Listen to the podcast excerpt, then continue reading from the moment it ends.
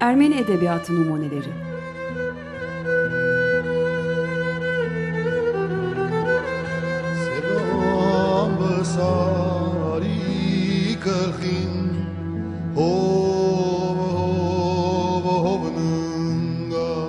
Hazırlayanlar Paylin ve Yetvart Tomasyan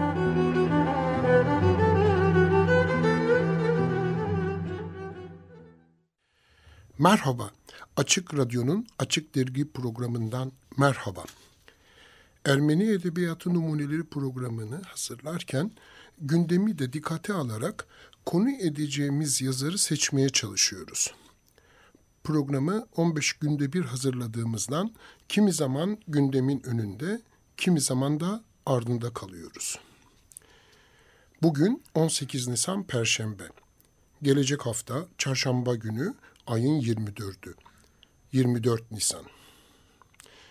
Kimilerinin tehcir, kimilerinin soykırım, kimilerinin metziyerin büyük felaket, kimilerinin ferman, kimilerinin derzor olarak adlandırdığı Ermeni halkının başına gelen felaketin, Kırım'ın anma günü.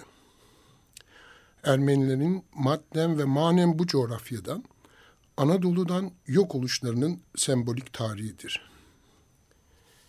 Edebiyat dünyasına döndüğümüzde 24 Nisan'la bütünleşen en çarpıcı isim Krikor Zohrab çıkar karşımıza. Krikor Zohrab yazarlığı yanı sıra başka özellikleri de olduğundan hep ön saflardadır. Edebiyatçılığının yanı sıra bir hukuk adamı, gazeteci, üniversite hocası, Osmanlı Meclisi mebusudur. Kirkor Zohrab'ın hayatını bugün diğer günlere nazaran biraz daha teferruatlı sunmayı düşündük ve biraz uzun tuttuk. Bize ayrılan zamanın içinde kısa bir öyküsünü de okumaya çalışacağız. Kirkor Zohrab 26 Haziran 1861'de Beşiktaş'ta doğdu. İlkokula 1867'de semtin Makruhyan Ermeni Okulu'nda başladı. 1870 yılında babasının ölümü ve annesinin tekrar evlenmesiyle taşındıkları Ortaköy'de Tarkmançats Ermeni Okulu'na devam etti. Edebiyat öğretmeni, şair yazar Tovmas Terziyan'ı örnek alarak şiirler ve kompozisyonlar yazmaya başladı. 1873 yılında mütevelli Mıgırdiç Simonoviç'in mali durumuyla birlikte Tarkmançats okulu da sarsılıp kapanınca müdürlüğünü yazar Doktor Hovsep Şişmanya'nın, Zerens'in yaptığı Katolik Lüsaboruçyan okuluna geçti. 1876 yılında Galatasaray Mektebi Sultanisi'nin Mühendislik Enstitüsü'ne girdi. İlk yazıları Irakir'de, gazete 1878'de yayınlandı. 1879 yılında yol ve köprü mühendisi diploması alarak mezun oldu. 1880'de üvey babası avukat Avedis Yordanya'nın bürosunda ona yardım etmeye başladı. Ve Galatasaray Sultanisi hukuk bölümüne kaydoldu. 1881'de ise Darülfünun'un yeni açılan Mektebi hukukuna geçerek 3 yıllık eğitimini 1883'te tamamladı. Ünlü mizah yazarı Hagop Baranya'nın baş yazarlığında Yergakunt Yerküre Edebiyat Dergisini çıkarttı. Dergi daha sonra yazar Yegya Demirci Başyan'ın döneminde 1889 yılına kadar yayınlandı. Sürpü Düsap'ın kadın eşitliğini ve özgürlüğünü savunan romanı Maydan'ın yayınlanması üzerine Zohrab, Yergakut'tan bu eseri ve yazarını ağır bir şekilde eleştirdi. Devrin saygın öğretmenlerinden Reteos Berberyan'ın aynı dergide Düsap'ı savunan yazısına da sert bir karşılık vermekten çekinmedi. Hukuku Ceza Mühürü Kanunu konulu ilk mesleki çalışması yayınlandı.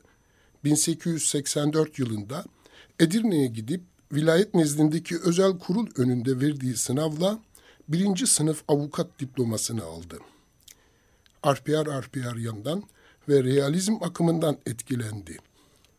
Eğitici, halkı bilinçlendirici yazılar yazmaya başladı. Yegrakunt'ta Anhedadan Serunt mı? Yok olan Kuşak adlı romanı tefrika edildi. 1885 yılında Clara Yazıcan'la evlendi. Ayrı bir ev kurarak Kandilli'ye yerleştiler. Dört çocukları oldu. Vahan Levon, Dolores, Aram ve Hermine. En sonda Ayaspaşa'da oturdular.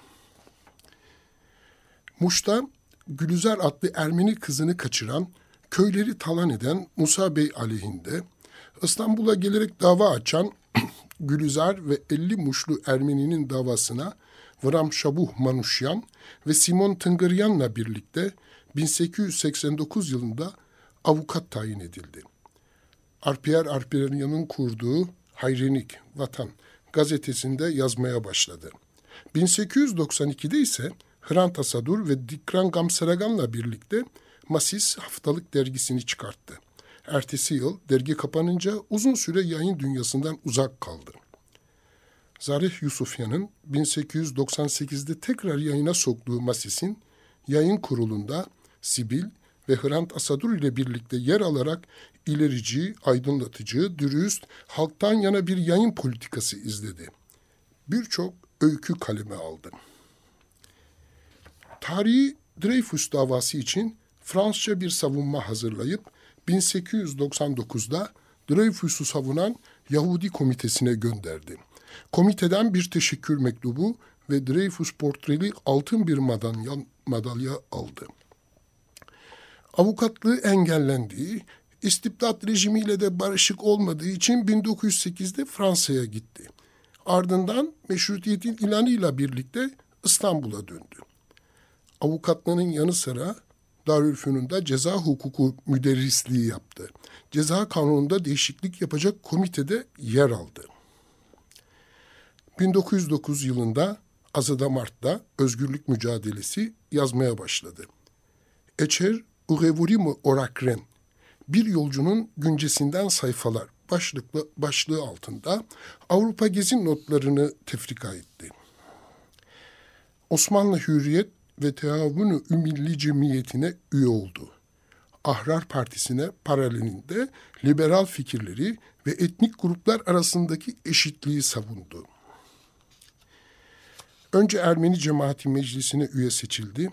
Sonra üç kez seçim kazanarak yedi yıl üyeliğini sürdürdüğü Osmanlı Meclisi Mebusan'ında İstanbul Mebusluğu yaptı.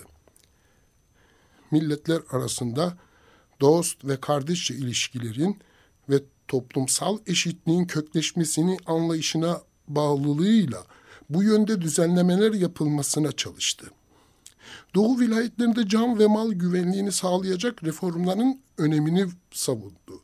Güçlü bir donanma kurulması, gayrimüslimlerin de askere alınması, gayrimeşru çocuk kavramının terk edilmesi, kadınlar lehine yasal değişiklikler yapılması yönünde ve, ve daha birçok konuda etkili meclis konuşmalarıyla tanındı.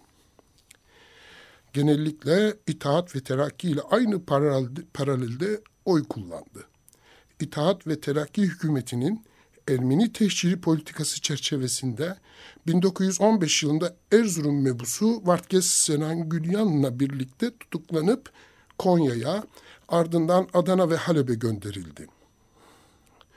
Zohrab'dan alınan en son haber karısına 15 Temmuz 1915 tarihli mektuptur.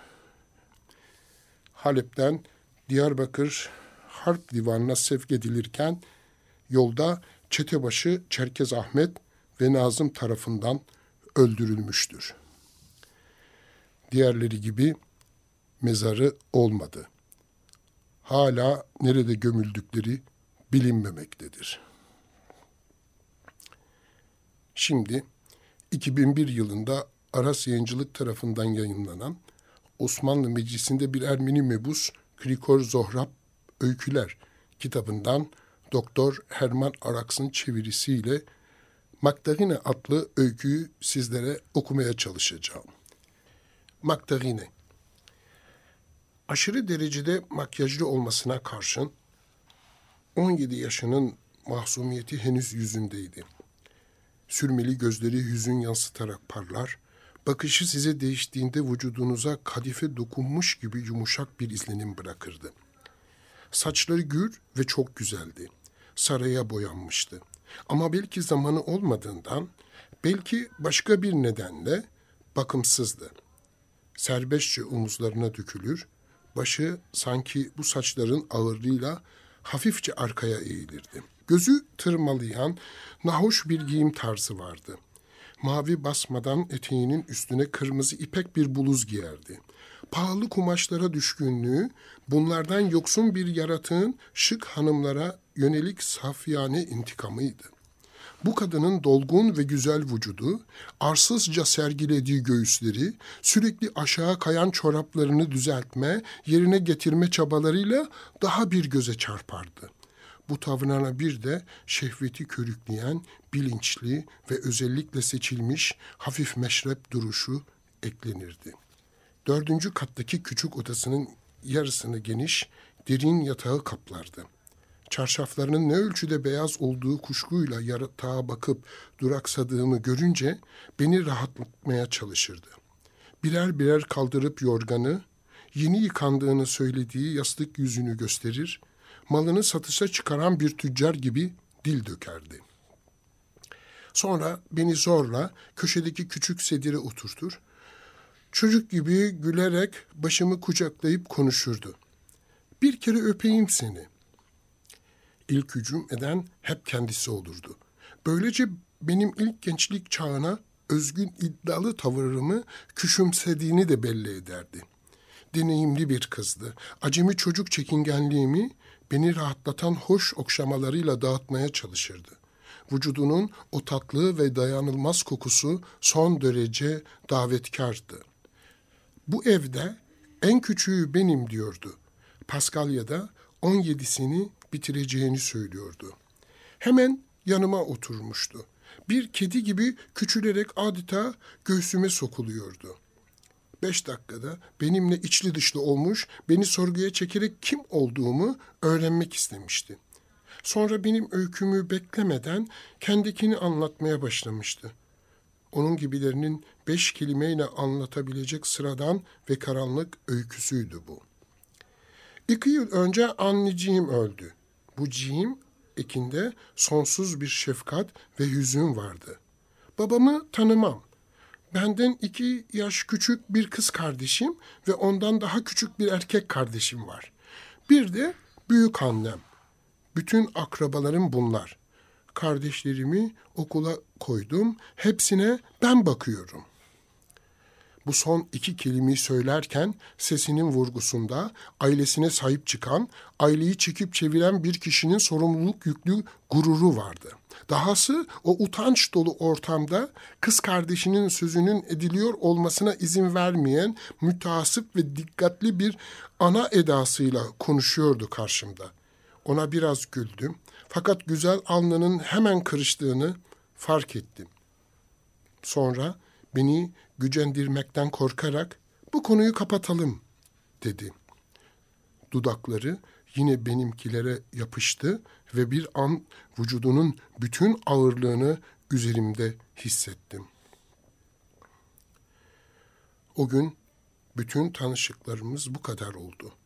Yalvarmalarım daha fazla karşılık bulmadı. Kutsal haftada nasıl olur diyordu bana. Sen Hristiyan değil misin?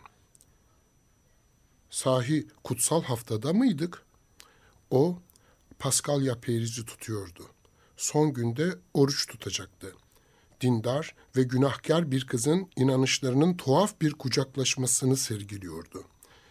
Birden hangi gün kutsal ekmek alacağımı sordu. İyi bilmiyorum, sen hangi gün alacaksın? Böyle yersiz bir soru yönelttiğim için şaşa kalmıştı. Hiç bize kutsal ekmek verirler mi?'' Niye vermesinler? Böyle şeylerin yolunun yordamını bir papaz kadar bilirdi ve papazdan fazla acımasızdı kendisine karşı. Kutsal ekmek alamam. Çünkü sonra yine günah işleyeceğim. Ben nasıl geçinirim? Kardeşlerime, ihtiyar büyük anneme nasıl bakacağım? Yapacağım tövbe yalan bir tövbe olur.'' Küçük odada sarf edilen bu sözler beni düşündürmeye başladı. Kilise geçimini sağlayabilmek için günah işlemek, yalan söylemek zorunda kalan herkese kutsal ekmeği vermekten sakınırsa bunun sonu nereye varır diyordum kendi kendime. Hangi tüccar, hangi esnaf, hangi gazeteci ve avukat ve hatta hangi din adamı kutsal ekmeği almak hakkına sahip olabilir? Ertesi gün onlar da yine kendi yaşantılarına dön dönmeyecekler mi? Ama hiç kimse bu insanları kilisenin kutsamlarından yoksun bırakmayı aklından geçiremez. Kız durmadan beni kucaklıyor, öpüyordu. Kaç yaşındasın diye sordu bana. 20 yaşındayım. Kendimi okşamalarına teslim edip aklımdan uzun itirazlar dizimi sıralamaya devam ediyordum. Kilise bugünkü haliyle farklı uygulamalardaki aşikar haksızlıklarla ilahiden çok insani bir müessesedir. Başka yerlerde olduğu gibi insanların bütün hatalı hükümleri orada da egemendir. Kız sonra bir öpücük verdi. Ben kiliseye gideceğim, Paskalya'dan sonra gel. Dostuz değil mi? Buraya gelir gelmez beni sor. İstediğini aramızda yerleşmiş sempatinin bir delili olarak cilveyle bildirdi. Başkasıyla görüşmeyeceğine söz ver. Söz verdim. 20 yaşındaki bir gencin sözü. Ondan sonra bir yıl kadar birbirimizi sevdik. Okumamış, sıradan fakat yürek sahibi bir kızdı. Kendisini sevenlerin sayısı belli değildi. Her milletten, yaştan ve sınıftan insan yolunu şaşırıp oraya gelirdi. Ak saçlılar, bıyıkları yeni terlemişler, hepsi de onun aşkıyla büyülenir, ona gelirlerdi. Fakat özellikle alt sınıftan insanlar arasında adı ve güzelliği kanlı olaylara yol açardı. Nedeni belki de bu sıra dışı kızın satılık sevgisinde bile dürüst olmasıydı biraz daha samimi olduktan sonra benim karşımda cehaleti yüzünden utanmaya başladı. Fakat sosyal durumundan dolayı asla vücudunun zenginliklerini sürekli satarak sonsuz bir özen ve sevgiyle küçük kardeşlerine uzatan kol kanat gererdi. Fakat yaptığı fedakarlığı aklının ucundan bile geçirmezdi. Pasaklı ve bayağı insanlar güruhu kapı önünde birikmişti. Aralarında hırsızlar, katiller de vardı. Herkes öne geçme çabasıyla merakla birbirini itiyor, üst üste çıkıyordu. Sonra polisler işlenen suçun zaptını tutmak için ellerinde mürekkep hokkası ve kağıtla geldiler. Yanımdakilere bir bu kalabalığın nedenini sordum. Bu evde bir kızı vurdular. Beni hiç aldatmayan ön sezimle dehşete kapıldım. İnsanların oluşturduğu barikatı yarmak için bir yol buldum. Hemen yukarıya, bizim dördüncü kattaki küçük odaya koştum. Evdekiler oraya toplanmıştı. Bir doktor son anda gelmiş, yatağın üzerine eğilmişti. Onu son kez orada, o yatağın üstünde uzanmış gördüm. Her zamankinden farklı olarak yukarıdan aşağı kar gibi ve göz kamaştırıcı beyazlar giymişti. Yalnız göğsünün sol tarafında kızıl bir leke vardı gömleğinde. Tertemiz bir yürekle açılmış bir gül gibi. Beni görünce yüzünde bir gülümseme belirdi zar zor. Doktor durumunu umutsuz buldu. Kendisi kutsal ekmek almayı arzu etti. Bir iki kişi hemen kiliseye koştu. Fakat papaz gelmeyi reddetti. Sonra o ağır, törensel ve kara ölüm yetişti, ilahi varlığın şefkatli bir elle bu kızı sarıp sarmalaması gibi üzerini örttü. İnsanların küçük hesapları ve yanlış yargısı Tanrı adına verilecek her teselliyi ondan esirgemişti küçük kardeşlerinden başka hiç kimse bir daha onun adını anmadı.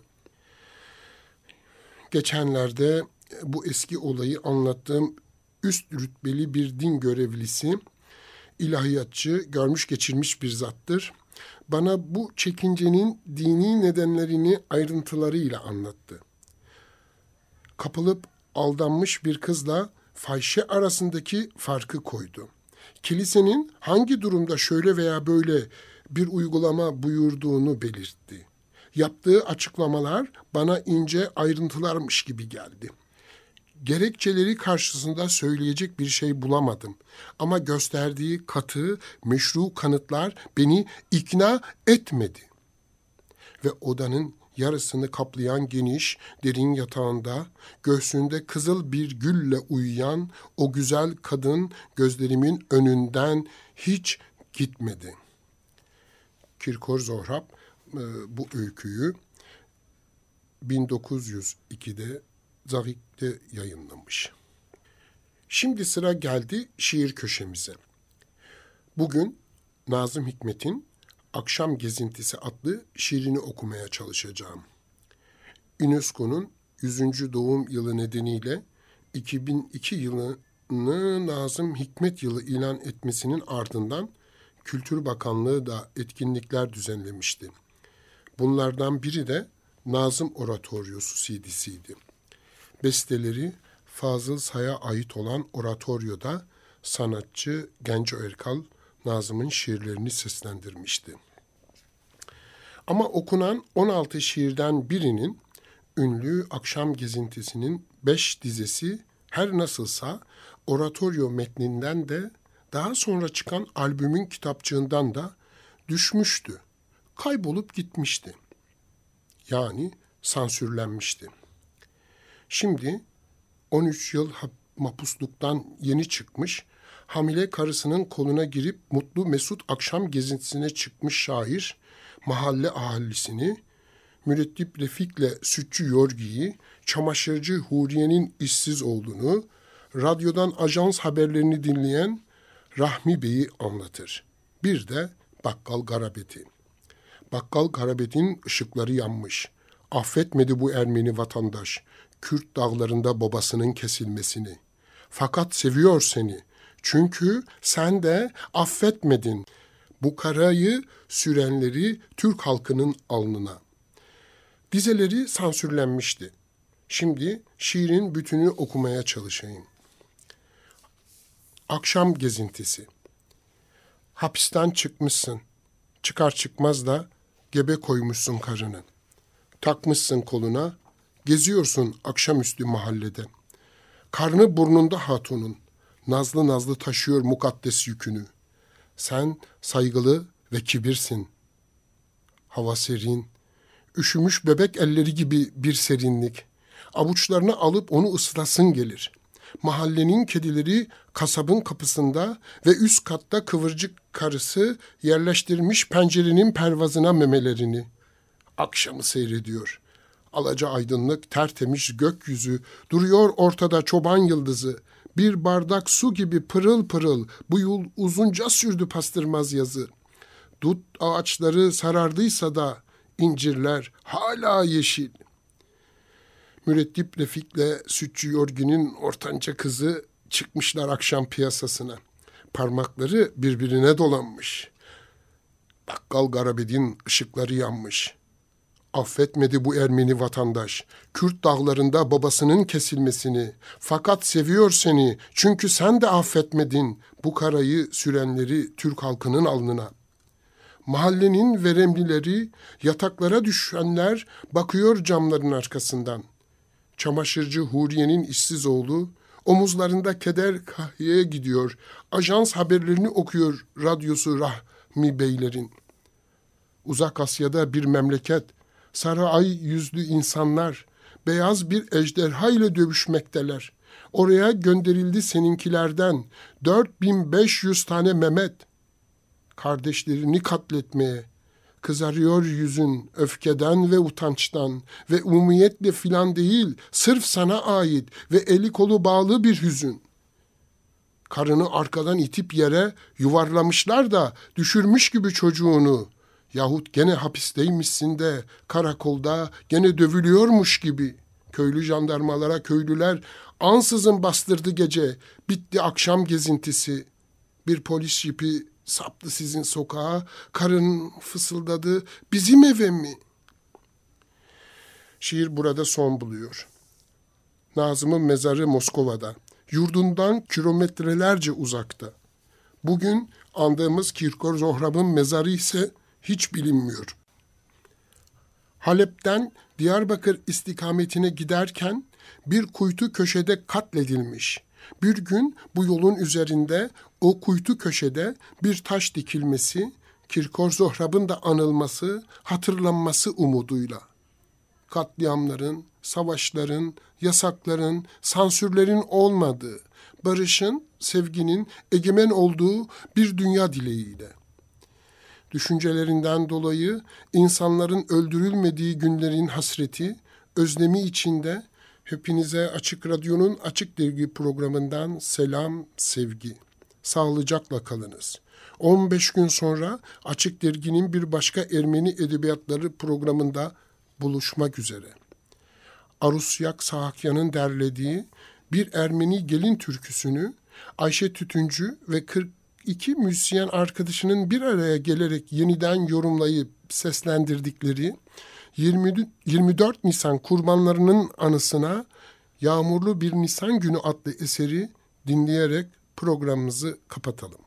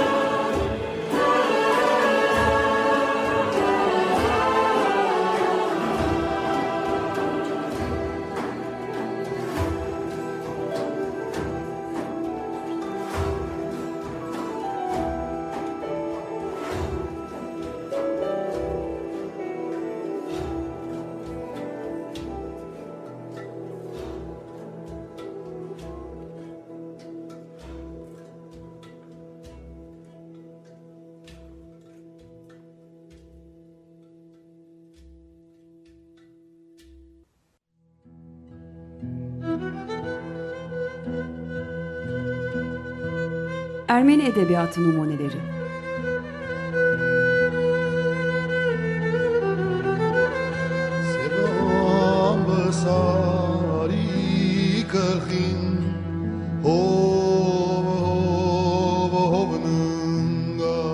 Hazırlayanlar Paylin ve Yetvart Tomasyan.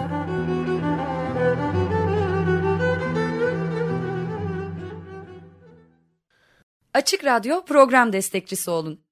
Bir veya daha fazla programa destek olmak için 212 alan koduyla 343 41 41